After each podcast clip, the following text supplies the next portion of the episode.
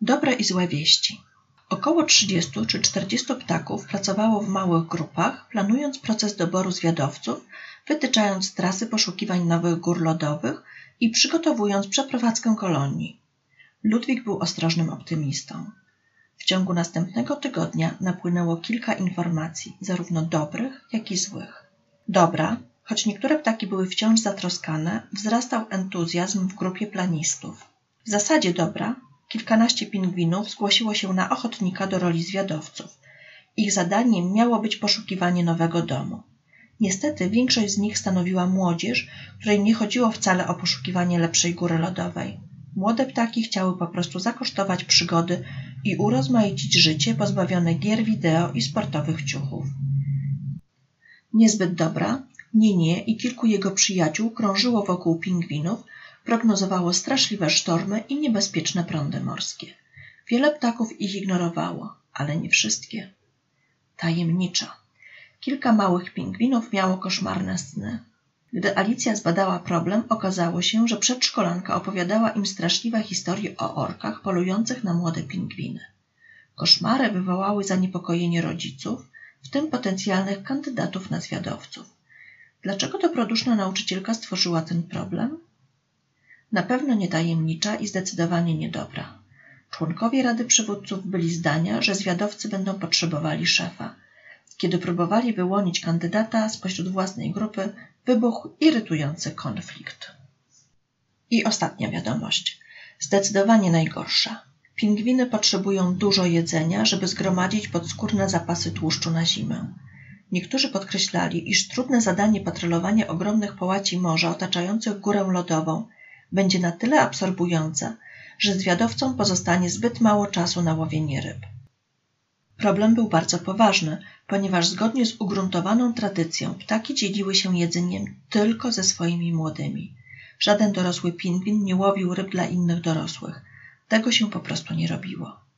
Z początku dobre wieści przeważały, jednak po jakimś czasie wygłupienie, strach dzieci, troski rodziców przestraszonych dzieci, konflikt w Radzie Przywódców i problem z żywieniem zwiadowców zaczęły przynosić negatywne skutki. Nie, nie i jego koledzy zauważyli trudności i dodały im one odwagi. Może gdyby bardziej się postarali. Emilia należała do najbardziej entuzjastycznych i najciężej pracujących planistów. Wierzyła w wizję nowego życia. Pracowała po 14 godzin dziennie, aby ją urzeczywistnić.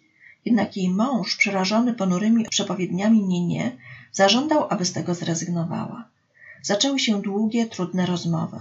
Potem koszmary ich małego dziecka stały się tak dokuczliwe, że Emilia niejednokrotnie spędzała północy na jego uspokajaniu. Kiedy do tego wszystkiego usłyszała o problemie z wyżywieniem zwiadowców, frustracja przerosła początkowy entuzjazm. Czując się bezradna w obliczu sił pozostających poza jej kontrolą, zaczęła opuszczać spotkania planistów. Nie ona jedna.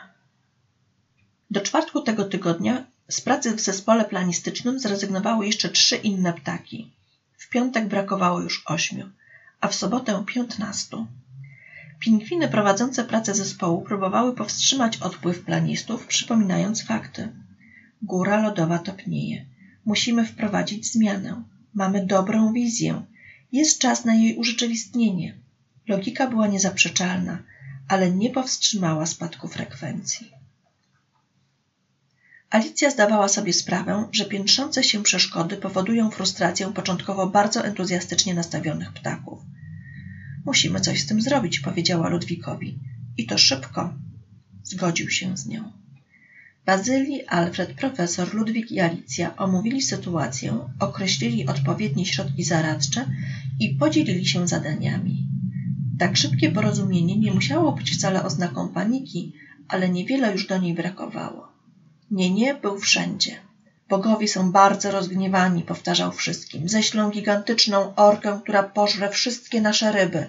Swoją ogromną paszczą pokruszy górę lodową na maleńkie kawałki, a nasze dzieci zginą w jej śmiercionośnych szczękach. Wywoła stumetrowe fale. Musimy natychmiast zapomnieć o tym idiotycznym pomyśle z wędrowaniem. Ludwik wziął go na stronę i powiedział mu, że prognozowanie pogody będzie w przyszłości jeszcze ważniejsze niż teraz, co było zgodne z prawdą, oraz że będą musieli przyjąć bardziej naukowe podejście do tego zadania. Nie, nie słuchał, spoglądając na niego nieufnie. Dlatego, ciągnął Ludwik, poprosiłem o pomoc profesora. Nie, nie, odwrócił się ze złością, chcąc odejść, ale okazało się, że profesor już za nim stoi. Czytałeś może artykuł Himlisza o rozpadzie gór lodowych? Zapytał. Wydaje mi się, że został opublikowany pod koniec lat sześćdziesiątych. Nie, nie, zaczął biec. Profesor za nim. Nie odstępował go ani na krok. Ludwik bardzo szybko poradził sobie z konfliktem o stanowisko szefa zwiadowców. Rozmowa była bardzo krótka. Dość tego, powiedział stanowczo. Zadaniem Bazylego była rozmowa z przedszkolanką.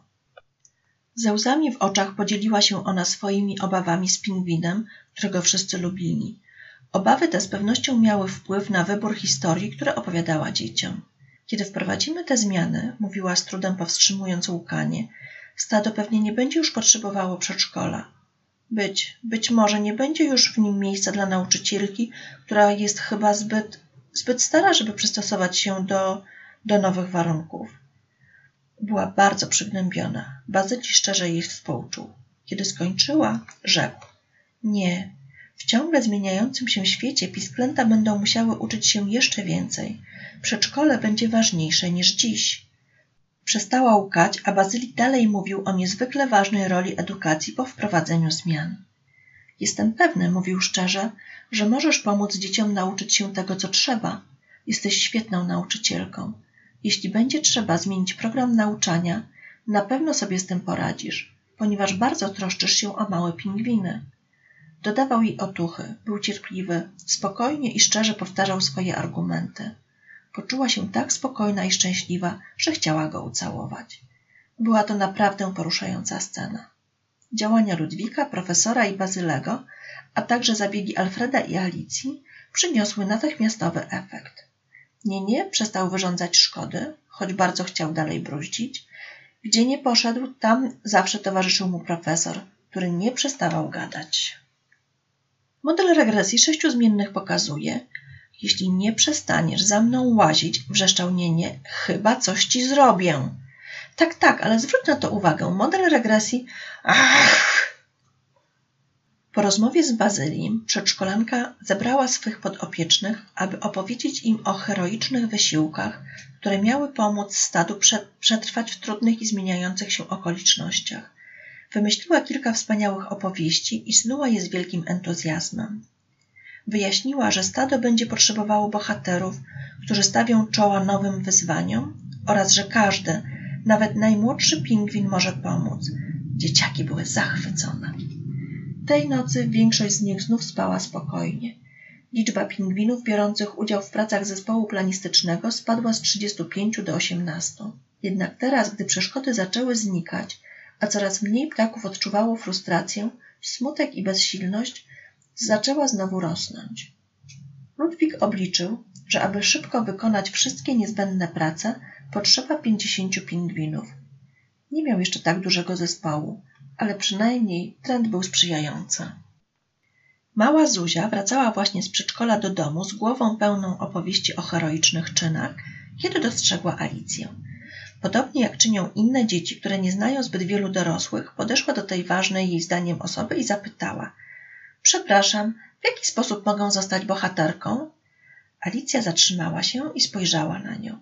Zajęta rozważaniami na temat topnienia nastrojów panujących w stadzie i problemu wyżywienia zwiadowców, ledwie usłyszała pytanie.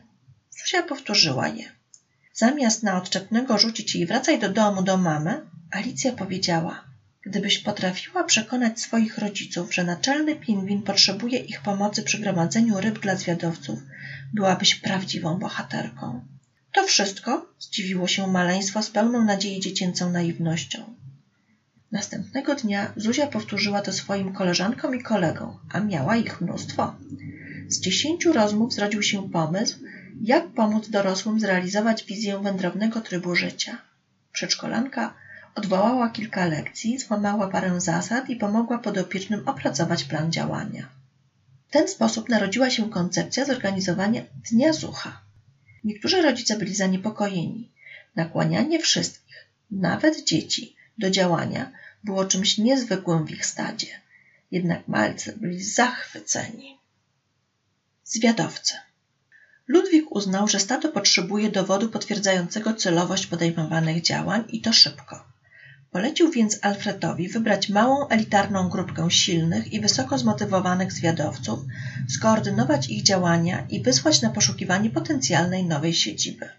Stado musi jak najszybciej zobaczyć, że robimy postępy, powiedział Alfredowi. Musimy zrobić wszystko, co tylko możliwe, aby pomóc zwiadowcom zabezpieczyć się przed możliwymi zagrożeniami. Wszyscy muszą jak najszybciej wrócić bezpiecznie do domu. Zaginięcie nawet jednego ptaka wywoła strach i uwiarygodni ostrzeżenia nie, nie.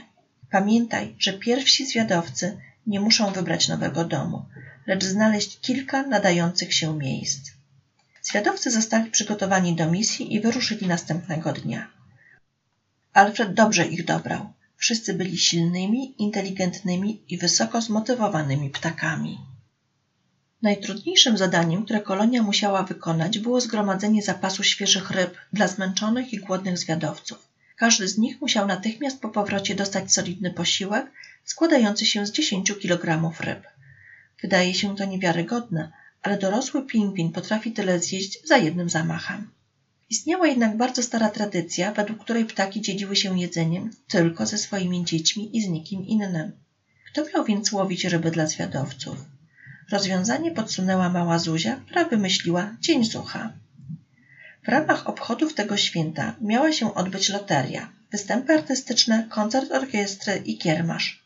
Nowością była nietypowa opłata za uczestnictwo w imprezie. Dwie ryby od każdego dorosłego pingwina. Dzieci wytłumaczyły ideę święta Zucha swoim rodzicom. Jak można się było spodziewać, niektórzy zabiegani dorośli nie bardzo rozumieli o co chodzi. Innym w ogóle nie spodobał się ten pomysł, a niektórzy nie mieli nawet pojęcia, że zwiadowcy już opuścili górę lodową. Jednak wielu było dumnych, że ich dzieci wykazują się taką kreatywnością w ciężkich chwilach. Dorośli czuli się jednak niezręcznie. Nie dzielimy się jedzeniem z nikim oprócz naszych dzieci. To stara i ugruntowana tradycja, mówili. Pomysłowe maluchy dały im więc do zrozumienia, że będą bardzo zawiedzione, jeśli rodzice nie przyjdą na festyn i nie przyniosą ryb, aby opłacić wstęp. Kiedy kilkoro rodziców ustąpiło i powiedziało, że przyniosą ryby, pozostali postanowili zrobić to samo.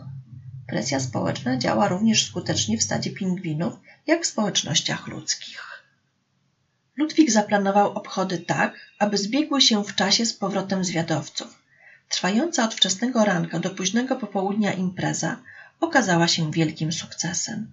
Gry i zabawy, loteria i inne rozrywki sprawiły wszystkim wiele radości. Kulminacyjnym punktem obchodów był jednak powrót zwiadowców. Nie, nie, przewidywał, że połowa z nich zginie. Karma dla orek, powtarzał każdemu, kto tylko chciał słuchać. Ci głupcy nigdy nie wrócą. Niektóre ptaki potakiwały, więc nie przestawał drążyć tematu. Był niestrudzony. Tego dnia pracował ciężej niż przez wszystkie lata swojego życia. Część pingwinów była zdenerwowana i bez czarnych wizji nie, nie. Inni sceptycznie podchodzili do wszelkich przewidywań. Wszystko to sprawiało, że ptaki z wielkim napięciem oczekiwały na powrót śmiałków.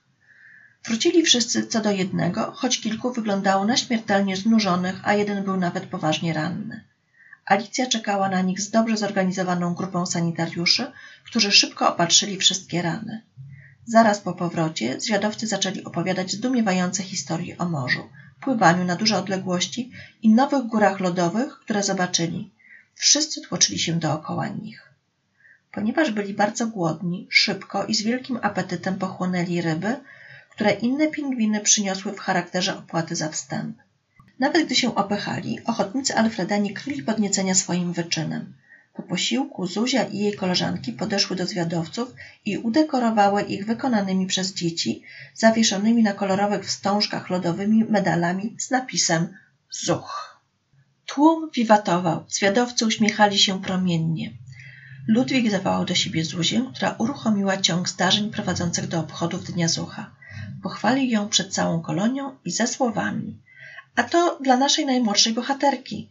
Wręczył jej pękniętą butelkę, która od czasu, gdy została zaprezentowana na wielkim zgromadzeniu, stała się obiektem pożądania wszystkich pingwinów. Widzowie przyjęli to z aplauzem. Dziecko płakało z radości. Jej rodziców rozsadzała duma. Alicja zaś z rozrzewnieniem przypomniała sobie własne dzieciństwo.